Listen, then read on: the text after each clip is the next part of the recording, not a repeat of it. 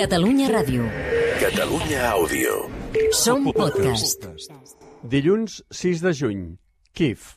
Вони можуть розбомбити щастя, вони можуть. Els alumnes de l'escola 134 de Kharkiv, convertida en un espectre pels projectils russos, han optat pel ball més que no pas per les llàgrimes i han tancat el curs dansant al davant de les runes de la seva antiga escola en un vídeo penjat a la xarxa. L'escola i la universitat ucraïneses arriben al final de curs traumatitzades per la guerra. Alumnes desapareguts, aules buides, escoles volatilitzades. El fet de ser firmant de la declaració d'escoles segures no ha preservat Ucraïna del marasme, tampoc la vida de les noves generacions abocades a créixer i educar-se enmig de la catàstrofe, les ruïnes i la crisi. Al principi de la invasió fins al punt de la paràlisi.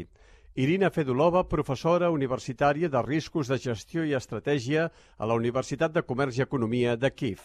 24 лютого El 24 de febrer els estudis a la universitat es van paralitzar del tot per la guerra. Durant la primera setmana vam investigar on era cada estudiant. Van ser uns dies horribles. Les noies intentaven sortir per protegir-se, els nois s'intentaven adaptar, altres se'n van anar a combatre o a fer de voluntaris. е, допомагати волонтерам. Però, si bé és cert que la guerra ha arrencat la gent, els alumnes de la comoditat també ho és que els ha fet més coratjosos i audaços. Aproximadament el 50% dels estudiants assistien a classe, la resta, un altre 50%, es trobaven en situacions complicades, però tots intentaven fer com a mínim una part dels exercicis els que podien fer-ho. Els professors ho tenien més complicat perquè havien de treballar 24 hores al dia per 7 dies a la setmana i treballar personalment com cada estudiant. Nosaltres ajudàvem amb tot el que podíem. Jo porto els alumnes de tercer, tinc quatre grups, uns 90 estudiants, i cap d'ells ha abandonat la universitat.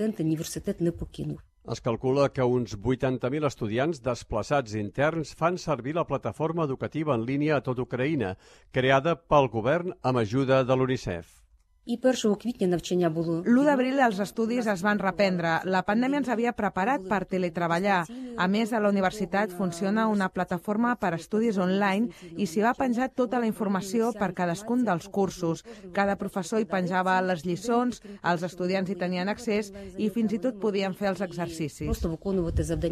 Unicef calcula que almenys una de cada sis escoles de les que reben el seu suport a l'est d'Ucraïna han patit danys o senzillament han acabat destruïdes des del començament de la invasió. El curs escolar a Ucraïna va començar amb esperances i promeses pels alumnes, sobretot després dels entrebancs per la Covid-19, però, malauradament, centenars de nens han mort per la guerra i el final d'aquest curs escolar està marcat pel tancament de classes, la devastació de les instal·lacions educatives i la diàspora. Aproximadament la meitat dels professors de la nostra càtedra treballen des de l'estranger en diverses ciutats i països d'Europa. Continuen treballant online, avaluant els exàmens, omplint els informes, tal com ha de ser. L'educació també pot salvar la vida dels nens i dels adolescents, si bé la història ens demostra que la fe ingènua en la raó no acostuma a evitar la follia de la guerra. José Antonio Muñoz, Toni Arbonès, Kiev. Catalunya Ràdio. Catalunya Àudio. Som podcast.